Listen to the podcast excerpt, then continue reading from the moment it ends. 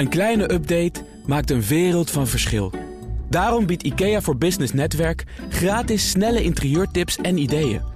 Word gratis lid en laat je werkplek voor je werken. IKEA, een wereld aan ideeën. Ja, het is natuurlijk een hele gekke situatie dat er zo'n groot tekort aan woningen in Nederland is en dat er flink gebouwd moet worden. Als je kijkt naar het woningtekort van nu en je kijkt naar uh, hoeveel mensen er de komende jaren bij komen en je kijkt naar sloopnieuwbouw, ja, dan zullen we gewoon die 900.000 woningen moeten bouwen. Het is eigenlijk onze opdracht en die opdracht is natuurlijk heel lastig waar te maken. Ik vertel je waarschijnlijk niks nieuws als ik zeg dat de woningmarkt al jaren knelt. Eigenlijk zou je kunnen zeggen de opdracht is groter geworden, want we zijn harder gegroeid dan we hadden gedacht. En de tegenwind is fermer geworden. Ferme tegenwind voor de woningmarkt dus. Want de verwachting is dat dat tekort van 390.000 woningen niet snel zal afnemen. Maar hoe weten we eigenlijk hoeveel woningen er precies nodig zijn? En kunnen we dat tekort überhaupt nog inlopen? Mijn naam is Anna Dijkman en dat ga ik uitzoeken in de zesde aflevering van Toegevoegde Waarde. Allereerst dat tekort. Dat is namelijk niet een optelsom van mensen die dakloos zijn, op wachtlijsten staan of ergens geregistreerd staan als woningzoekende. Het is een schatting op basis van statistiek. Hoe dat zit, legt Stefan Groot uit, woningmarkteconoom bij Rabobank. De meting van het woningtekort wordt gedaan door ABF. Dat is een onderzoeksbureau. Uh, die maken jaarlijks die berekening in opdracht van, uh, van het ministerie van Binnenlandse Zaken. En die methode is eigenlijk vooral demografisch. En wat zij doen is zij kijken uh, naar mensen die wonen in, zoals ze dat dan noemen, alternatieve woonvormen. En dat zijn huishoudens, dat gaat dan om huishoudens die met een ander huishouden een woning delen. Of om uh, mensen die in een niet-woning uh, wonen. Ik weet niet hoe vaak dat voorkomt, maar dat gaat denk ik bijvoorbeeld om recreatiewoningen of in een bedrijfspand. Maar daar valt wel wat op af te dingen. Ja, in, in beide richtingen. wat, wat sowieso, de, de methode is vrij technisch. Dus hoe je precies een huishouden definieert, ja, dat speelt een heel belangrijke rol in die tekortberekening. Dus bijvoorbeeld als een man en een vrouw uh, samenwonen op één adres, maar ze hebben niet een geregistreerd partnerschap, zijn niet gehuwd, doen niet samen belastingaangifte, dan uh, zegt het CBS, als je het hebt over de huishoudensdefinitie, zegt het CBS van ah, dat moet wel onvrijwillig zijn. Die mensen hebben geen, geen relatie of iets dergelijks. Ja, terwijl heel vaak hebben die natuurlijk juist wel een relatie. Dus dat is een voorbeeld waar het woningtekort dan eigenlijk wordt overschat. Maar aan de andere kant, als jij als meerderjarig kind bij je ouders inwoont, dan, uh, ja, dan heb, voel je samen een huishouden. En dan tel je dus niet als twee huishoudens op één adres. Terwijl natuurlijk een belangrijk onderdeel van dat enorme woningtekort juist is mensen die noodgedwongen, omdat ze geen woning kunnen vinden, nog bij hun ouders wonen. En die komen dus niet in dat tekort. Ja, want die leeftijdsgrens ligt bij 25. Klopt. En ik heb ook wel eens berekeningen gezien als je die grens bijvoorbeeld een jaartje omhoog schuift, of juist een paar jaar omlaag schuift, dat dat enorme gevolgen heeft voor dat woningtekort. Ja, klopt. Dus allerlei technische keuzes die, die spelen in de berekening van dat tekort een belangrijke rol. Ik zou het niet helemaal willen afschrijven. Ik denk dat het wel degelijk een, een nuttig meetinstrument is wat uh, ja, eigenlijk een indicator is voor het woningtekort. En ik denk ook echt dat het woningtekort wel heel groot is. Maar het precieze getal wat daaruit komt gerold, dat is eigenlijk vrij uh, arbitrair. Terwijl, en daar kan natuurlijk ABF niets aan doen, maar er wordt wel heel veel beleid gevoerd specifiek op dat, uh, dat woningtekort. En de gedachte lijkt dan soms ook zelfs een beetje te zijn van nou, we willen het woningtekort oplossen. Woningtekort is 390.000. Dus als we dan die 390.000 woningen bouwen, dan zijn we van alle problemen af. En dat is niet zo, uh, maak ik een beetje op uit jouw. Uh, nee, we hebben eigenlijk geen idee volgens mij hoeveel woningen er precies nodig zouden, zouden zijn. Dat komt volgens Stefan ook doordat de vraag naar woningen niet statisch is, maar zich voortdurend ontwikkelt. Juist ook door het bouwen van woningen stad als Amsterdam, uh, ja, daar heb je toch een soort van urban buzz. Die vinden mensen leuk. En als je dan zo'n stad enorm laat groeien door heel veel meer woningen erbij te bouwen, dan kan het zelfs zijn dat zeker op de lange termijn dat dat zo'n stad eigenlijk alleen nog maar aantrekkelijker uh, maakt. Dat zie je bijvoorbeeld ook in, in Londen en Parijs, ook enorme agglomeraties. Ja, daar staan al miljoenen woningen, maar toch zijn die, die regio's eigenlijk bijna nog onbetaalbaarder dan, uh, dan, dan steden als Amsterdam en Utrecht. Ja, dan stuurt het aanbod ook de vraag eigenlijk. Precies, en daarbij speelt natuurlijk de prijzen ook een belangrijke rol. Dus als je Als je iets meer woningen bouwt, dan dalen de prijzen iets. Uh, ja, dan gaan allerlei mensen die, die anders misschien niet uh, zelfstandig waren gaan wonen, die gaan dan ineens wel, uh, wel ook zo'n woning verwerven. Er kunnen binnen Nederland kunnen er migratiestromen ontstaan. Maar zeker als je het hebt over een stad als Amsterdam, ook heel aantrekkelijk. Ook andere grote steden in Nederland trouwens. Heel aantrekkelijk om daar te wonen en te werken.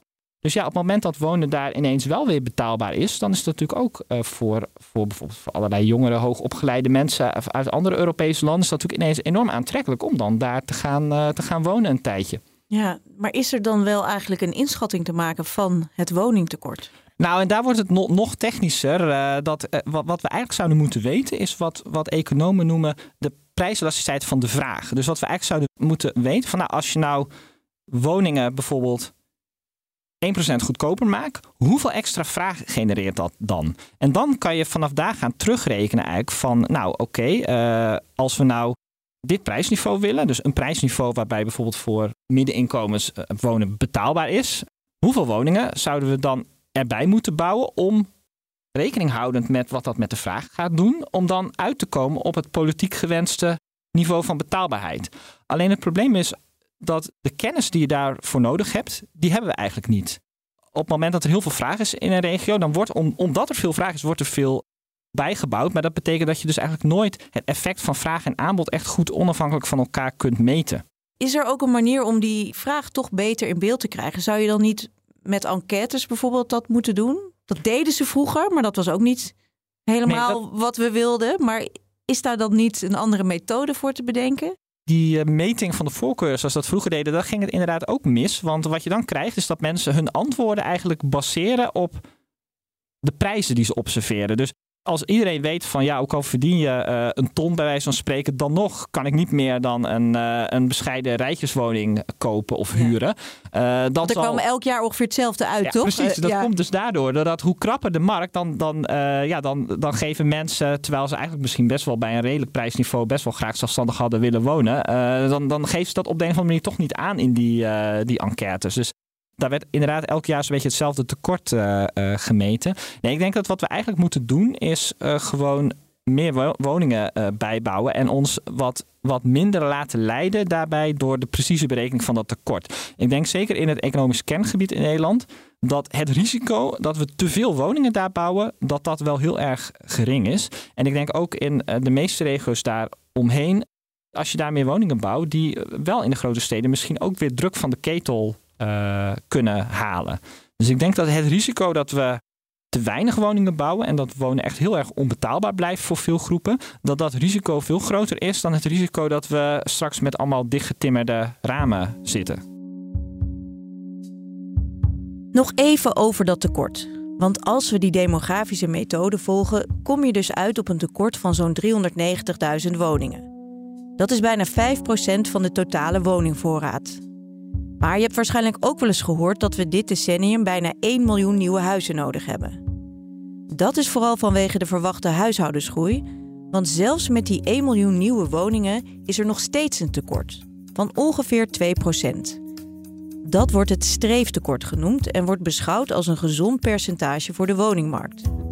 Ik vroeg Stefan waarom dat eigenlijk zo is. De gedachte achter dat streeftekort is dat je eigenlijk niet een woningmarkt wilt die totaal ontspannen is. Want uh, dat heeft meerdere redenen. Um, wat, wat huishoudens doen is ze hebben een bepaald budget. En dan gaan ze gewoon kijken van wat is het beste wat ik hiervoor kan krijgen.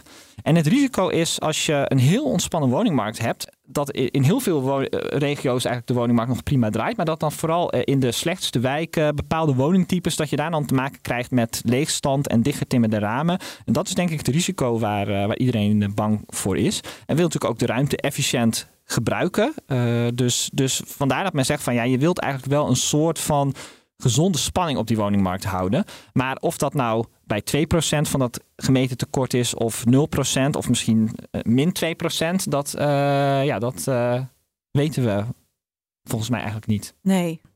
Maar die, die markt heeft natuurlijk eigenlijk wel een beetje voordeel van als er net wat te weinig woningen zijn, toch? Als we het ook over prijzen hebben, is die schaarste net wel wat beter voor ze. Nou, nee, dat denk ik niet. Kijk, een heel groot deel van echt die, die pure winst die met woningbouw kan worden behaald, die komt terecht bij de oorspronkelijke grond, grondeigenaar. Die krijgt een soort van wat ze noemen een windfall profit. Hè? Als Dus puur uh, als de overheid het juiste vinkje zet en je mag daar woningen gaan bouwen, dan maakt die grond maakt, maakt, uh, een waardesprong van, van wel een factor 10 of meer uh, door.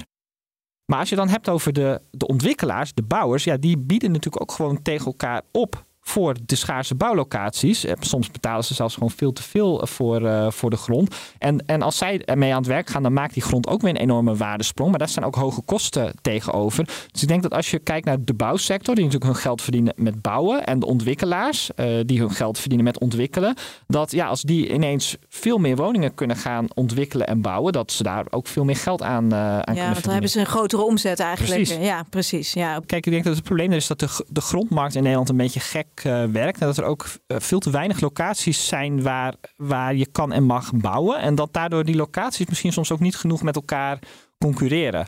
Uh, en dat kan er dan toe leiden dat dus een, een bouwer in een, ja, dat die dan dat hij dan geneigd is om, om dat aanbod eigenlijk vrij sterk te faceren. Om te denken van als ik nou nog eventjes wacht, dan hè, kan beter heel geleidelijk in kleine plukjes die woningen op de markt brengen. Want dan krijg ik er misschien meer voor dan wanneer ik het op een grotere schaal aanpak.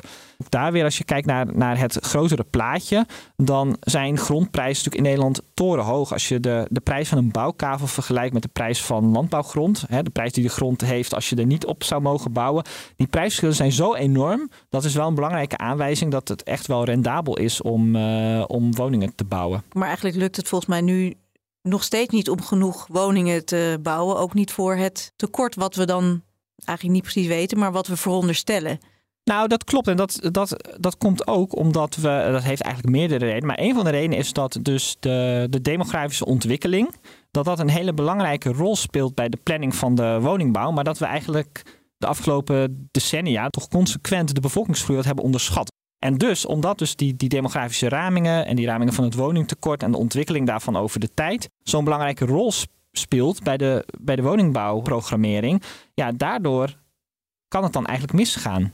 Ja, want zo'n tien jaar geleden, ongeveer het moment waarop de nieuwbouw van nu werd gepland, verwachtte het CBS dat we in 2044 de 18 miljoen inwoners zouden aantikken. Maar dat getal gaan we waarschijnlijk al in 2024 bereiken. Vooral omdat de migratie naar Nederland veel hoger was dan verwacht. En er speelt nog iets mee. Er zijn veel meer eenpersoonshuishoudens bijgekomen. Dus heb je meer woningen nodig. Maar los daarvan zou je denk ik veel meer ook moeten kijken naar de prijsontwikkeling. Dus, dus los van die hele tekortberekening, als je ziet in bepaalde regio's van hé, hey, de prijzen lopen alleen maar op, die lopen allemaal verder en verder op, die zijn torenhoog, dan is dat toch een belangrijke aanwijzing dat er veel vraag is naar uh, woningen. En dan kun je gerust wat meer woningen bijbouwen. En weten we eigenlijk ook wat voor woningen we moeten bouwen? Bijvoorbeeld huur- of uh, koopwoningen? Er zijn, er zijn twee segmenten van de Nederlandse woningmarkt die heel erg aantrekkelijk zijn. Dat zijn natuurlijk de sociale huurwoningen, maar heel veel mensen komen daar niet voor uh, in aanmerking. En voor al die mensen die, die dus niet in een sociale huurwoning uh, wonen, is het eigenlijk veruit het meest voordelig om in een koopwoning te wonen. Want dan, dan profiteer je van, van allerlei belastingvoordelen dat is niet per se in lijn met wat mensen echt willen qua voorkeuren. Want zo'n huurwoning kan natuurlijk ook uh, heel fijn zijn als je bijvoorbeeld behoefte hebt aan flexibiliteit of gewoon een beetje ontzorgd wil, wil worden. Als econoom uh, pleit ik er altijd voor om die fiscale voordelen van, van die fiscale prikkels richting eigen woningbezit, om die af te bouwen. En dan krijg je denk ik veel meer vraag naar huurwoningen. En dat heeft dan eigenlijk ook weer invloed op wat we gaan bouwen. Uh, nu hebben we een beetje de neiging om die markt heel erg sterk te segmenteren. Hè? Als, als, dan, als een woning een huurwoning is, dan mag je ook niet zomaar meer een koopwoning ervan maken. En op het moment woning een koopwoning is, dan hebben we ook uh, bijvoorbeeld die zelfbewoningsplicht. Dan mag je er weer geen huurwoning van uh, maken. Daardoor haal je natuurlijk alle flexibiliteit uit de markt. En wat je volgens mij zou willen, is dat we gewoon zoveel mogelijk woningen bouwen. En of dat dan huurwoningen zijn of koopwoningen, dat maakt eigenlijk voor de woningsschaarste maakt dat niet zoveel uit. Ik denk niet dat je in alle regio's het woningtekort kunt, uh, kunt oplossen. Dus wat ik al eerder aangaf, dat in een stad als Amsterdam gewoon moet accepteren dat, niet, dat zo'n stad niet voor iedereen betaalbaar is. Dat woningtekort is eigenlijk een constant probleem geweest in de Nederlandse geschiedenis. Al zijn er momenten geweest waarop we dachten dat het weg was. Zoals in de economische crisis van 2012. De koopwoningmarkt was volledig in elkaar geflikkerd. Je hoort Friso de Zeeuw, die zich al sinds de jaren 70 bezighoudt met de woningbouw. Hij werkte onder meer bij het voormalige bouwfonds, was praktijkhoogleraar gebiedsontwikkeling, gedeputeerde en wethouder. En daar werd een consequentie aan verbonden dat daarmee ook de vraag weg was. En dat is het grote misverstand, wat we op dit moment veel minder hebben. Uh, want die vraag was even onder water geduwd, maar was er nog steeds. Alleen het, kwam, het was latent, omdat de mensen waren een soort koperstaking uh, aangegaan. Men durfde niet. Ja. En de bouw lag ook plat. En is dat nu ook een van de oorzaken dat we nu met zo'n groot tekort zitten? Ja, hier komen we wel op een van de structurele oorzaken. Dat er periodes zijn dat we in ons land uh, het woningtekort uh, ja, denken dat het niet meer is. In ieder geval hebben we niet in de bekende terminologie geen urgentie om het aan te pakken. En dat gevoel van urgentie is wel noodzakelijk bij overheden en ook wel bij marktpartijen en corporaties omdat onze procedure, tweede punt, onze procedures zijn ingewikkeld, zijn ook in, inhoudelijke redenen voor. Maar je moet echt uh, volhardend zijn om een plan te realiseren. Nee, is er ook een periode geweest uh, in de recentere geschiedenis dat het wel goed was? Dat je kan zeggen, nou toen zaten we eigenlijk wel, wel, wel aardig uh, ja, in, in onze woningvoorraad. Nou, wat betreft in ieder geval de woningproductie zijn de jaren 70. In de jaren 70 was wel een hoogtepunt. Na de oorlog was de woningnood ontzettend hoog. Er moest dus iets gebeuren. In de jaren 60 zorgde minister Pieter Bogaars ervoor dat die woningbouw flink werd aangezwengeld. Hij ging stad en land door, besloot tot de aanleg van de Bijlmer en schreef zelfs honderdduizenden bouwvakkers een brief om ze te vragen de handen uit de mouwen te steken. Met succes, want de woningproductie schoot omhoog en bleef de jaren erna hoog. Met als piek 157.000 nieuwe woningen in 1973. Moet wel bijgezegd worden, uh, toen waren de plannen aan min, minder gecompliceerd en bouwden we ook wel van die flats waarvan we nu zeggen, van die galerijflats, ja, is dat nou wel toekomstgericht geweest? En sommige worden nu al uh, gesloopt om vervangen te worden door andere type woningen. Dus er zitten ook wel wat kritische kantjes aan die hele hoge productie van toen. Ook in de jaren 80 lag het gemiddelde nog boven de 100.000 nieuwe woningen per jaar. Maar in de decennia erna ging dat tempo wat omlaag. Met als voorlopig dieptepunt 2014, toen er maar 45.000 nieuwe woningen werden opgeleverd. Het laagste getal sinds 1949. De afgelopen jaren lag het gemiddelde aantal nieuwe woningen rond de 70.000 per jaar. En dat gaat waarschijnlijk terugzakken naar 50.000. De officiële politieke ambitie is 100.000. Heb ik altijd als illusie gezien. Maar als we er zo 80.000 per jaar halen, dat is een reële uh, ambitie. Weten we eigenlijk wel wat voor soort woningen we moeten bouwen? Ja, dat nou, laat ik het zeggen. Ik, ik zeg ja, maar dat is eigenlijk een discussiepunt in, uh, in de wereld van de overheid, van ontwerpers, kortom de vakwereld. Er zijn eigenlijk twee richtingen. De ene zegt, ja, we krijgen steeds kleinere huishoudens. Dat is ook zo. En uh, daar moeten we ook uh, aangepast voor bouwen. Dat, aangepast betekent ook kleiner en binnenstedelijk. Dus dat betekent samengevat veel appartementen binnen de steden. En de steden moeten we verdichten. De andere richting, en daar ben ik een aanhanger van, die zegt: ja, als we kijken naar hoe de mensen willen wonen, ook die eenpersoonshuishoudens, tweepersoonshuishoudens, dat is toch vaak in een ja, grondgebonden woning. En als het even kan, met een tuintje. Daar wordt om de drie jaar onderzoek naar gedaan. Dat heet het woononderzoek. Uh, door, de, door de Rijksoverheid. is dus echt onafhankelijk. En dan valt me op uh, dat er dus een grote aanhang blijft naar zo'n grondgebonden woning. Door sommigen gekwalificeerd als kleinburgerlijk. Je schetst dus nu heel erg als twee beelden die een beetje tegenover elkaar staan. Of bestaan ze misschien naast elkaar ook wel? Ja, feitelijk bestaan ze naast elkaar. Het gaat wel om een belangrijk accentverschil. Laat ik het zo zeggen. In de in de woningbouwprogramma's die er nu zijn, zit pakweg uh, eh, 60% is appartementen en uh, eh, 40% dus grondgebonden woningen. Als ik kijk naar die woningbehoefteonderzoeken en naar de woonwensen, zou die verhouding omgekeerd moeten zijn. iedereen een huis met een tuintje. Dat klinkt Ja, dat natuurlijk meer. prachtig, maar Ja. ja. Nederland is best eh, een druk Ja. bevolkt land. Kan dat dan wel? Waar moeten die woningen dan komen eigenlijk? Dat is een gebied wat je oms- kan omschrijven als ik de plaatsnamen noem van Alkmaar. Horen, steken we het eh, IJsselmeer Markermeer over. Komen we uit bij Zwolle. Gaan we naar beneden via de Veluwe en aanverwante gebieden naar Arnhem-Nijmegen. Dalen we af eh, naar Eindhoven, Breda, eh, Den Bosch richting Drechtsteden. Nou, dat noemen we dan het rompertje. Het rompertje. Het rompertje, dat is dus de Randstad en dat hele omliggend eh, gebied. En dat is eigenlijk een populair gebied. Daar een- willen mensen wonen. Daar willen mensen wonen, te meer omdat daar ook behoorlijk wat economie en werkgelegenheid in de buurt zit. Dat moet je altijd in samenhang eh, zien. Ja. En er moet ook werk heen. Ja, en daar gaat hij naar mijn idee nogal eh, ernstig de fout in. Want dat werk, om daarmee te beginnen, dat kan je niet zomaar eh, verplaatsen. Die verbindingen, die zijn hartstikke duur. Die lelielijn die nu op de planning staat, die kost al miljarden. En dan zouden dus nog een paar lelielijnen in de ogen van Hugo de Jonge bij moeten komen. Dat geld komt er natuurlijk helemaal niet. En het is de vraag of dat ook effect heeft. Of met, dat, met die verbindingen dat werk meekomt. Want, want hoe gaat dat proces nou eigenlijk? Er moeten woningen gebouwd worden. Waar komen provincies en gemeenten in dit spel? Wat is de rol van de Rijksoverheid? Dat is een samenwerking tussen de gemeente, niet de provincie, primair de gemeente, en eh, marktpartij, marktpartijen.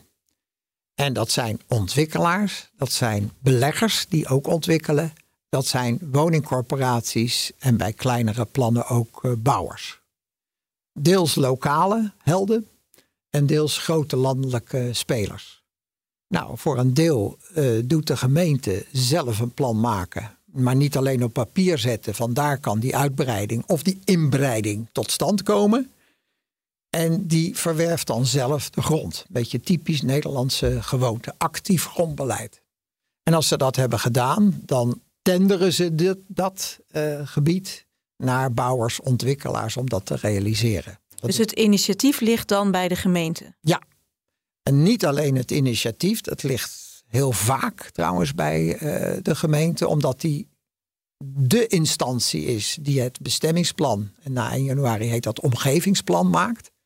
En zonder een omgevingsplan en de vergunningen die daarbij horen, kan je niks in dit land. Dus je hebt altijd de overheid nodig en die kan zeer initiërend zijn. En die kan een beetje, ja, dat heet dan in het jargon faciliterend zijn.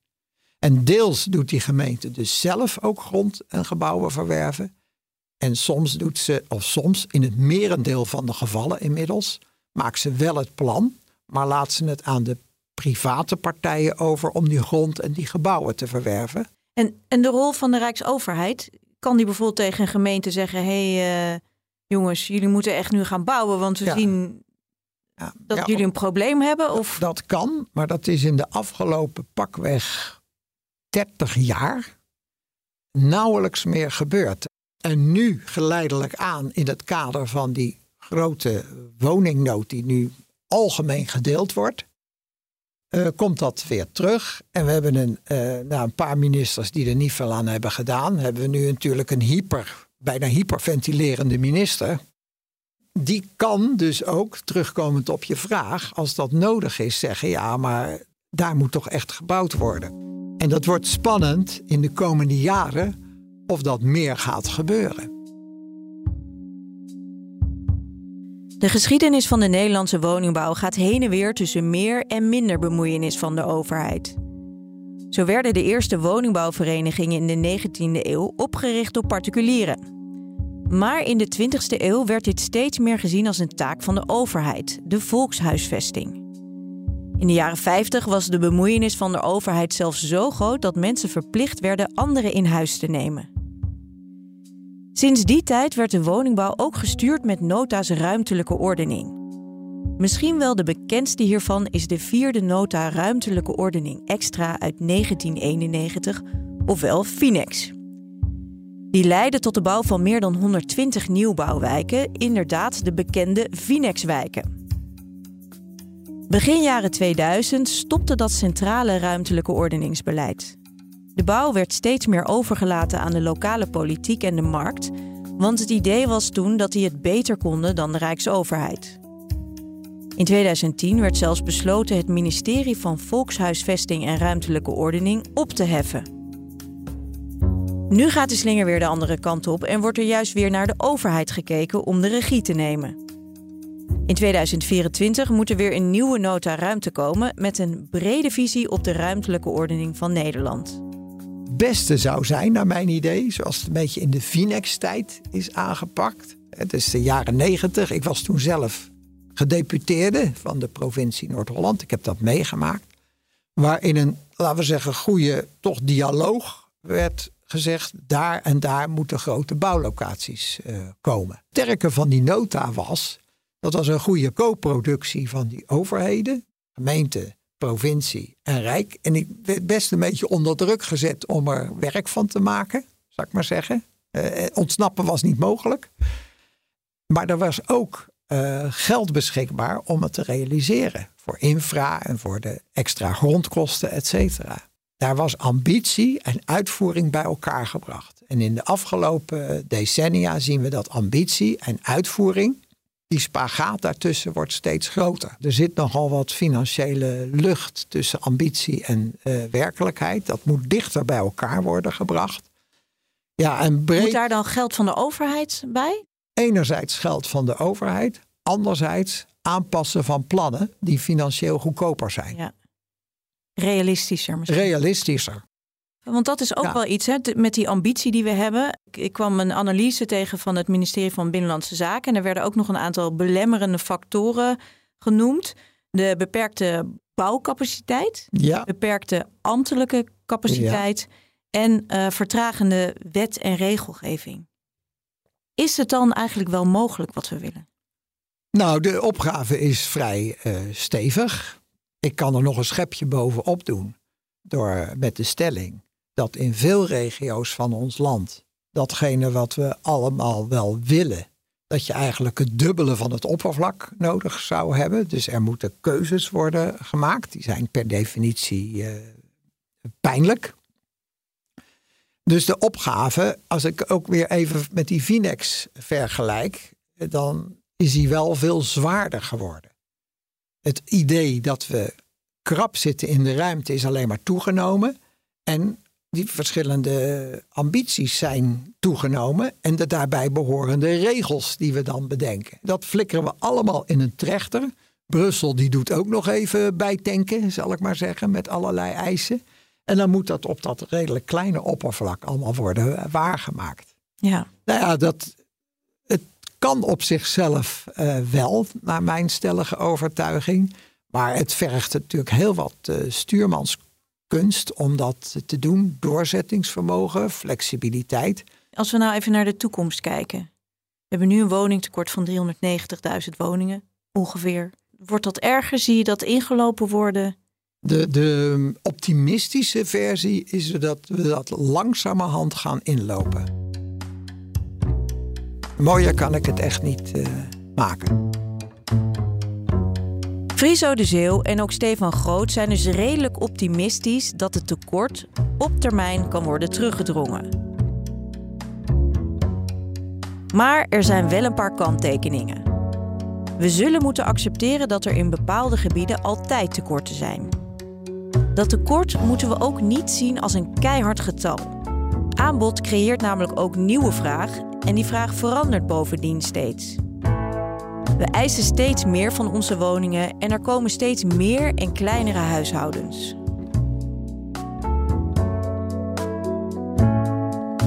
Bouw dus maar door, zeggen beide experts, binnen en buiten de steden. Maar vooral in het economische kerngebied, want daar willen mensen wonen en is er werk. En hou niet te rigide vast aan het bouwen van of koop- of huurwoningen.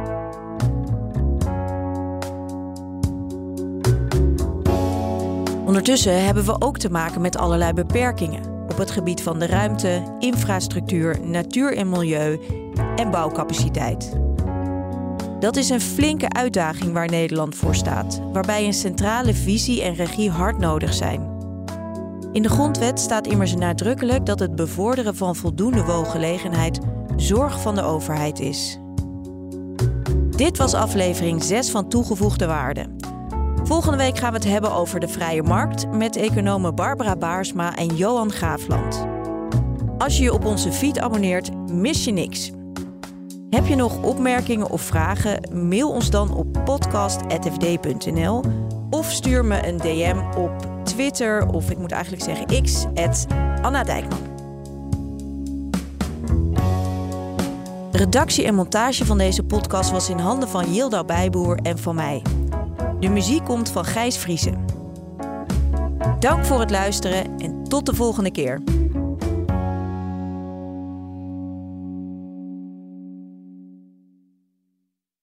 Een kleine update maakt een wereld van verschil. Daarom biedt IKEA voor Business Netwerk gratis snelle interieurtips en ideeën. Word gratis lid en laat je werkplek voor je werken. IKEA, een wereld aan ideeën.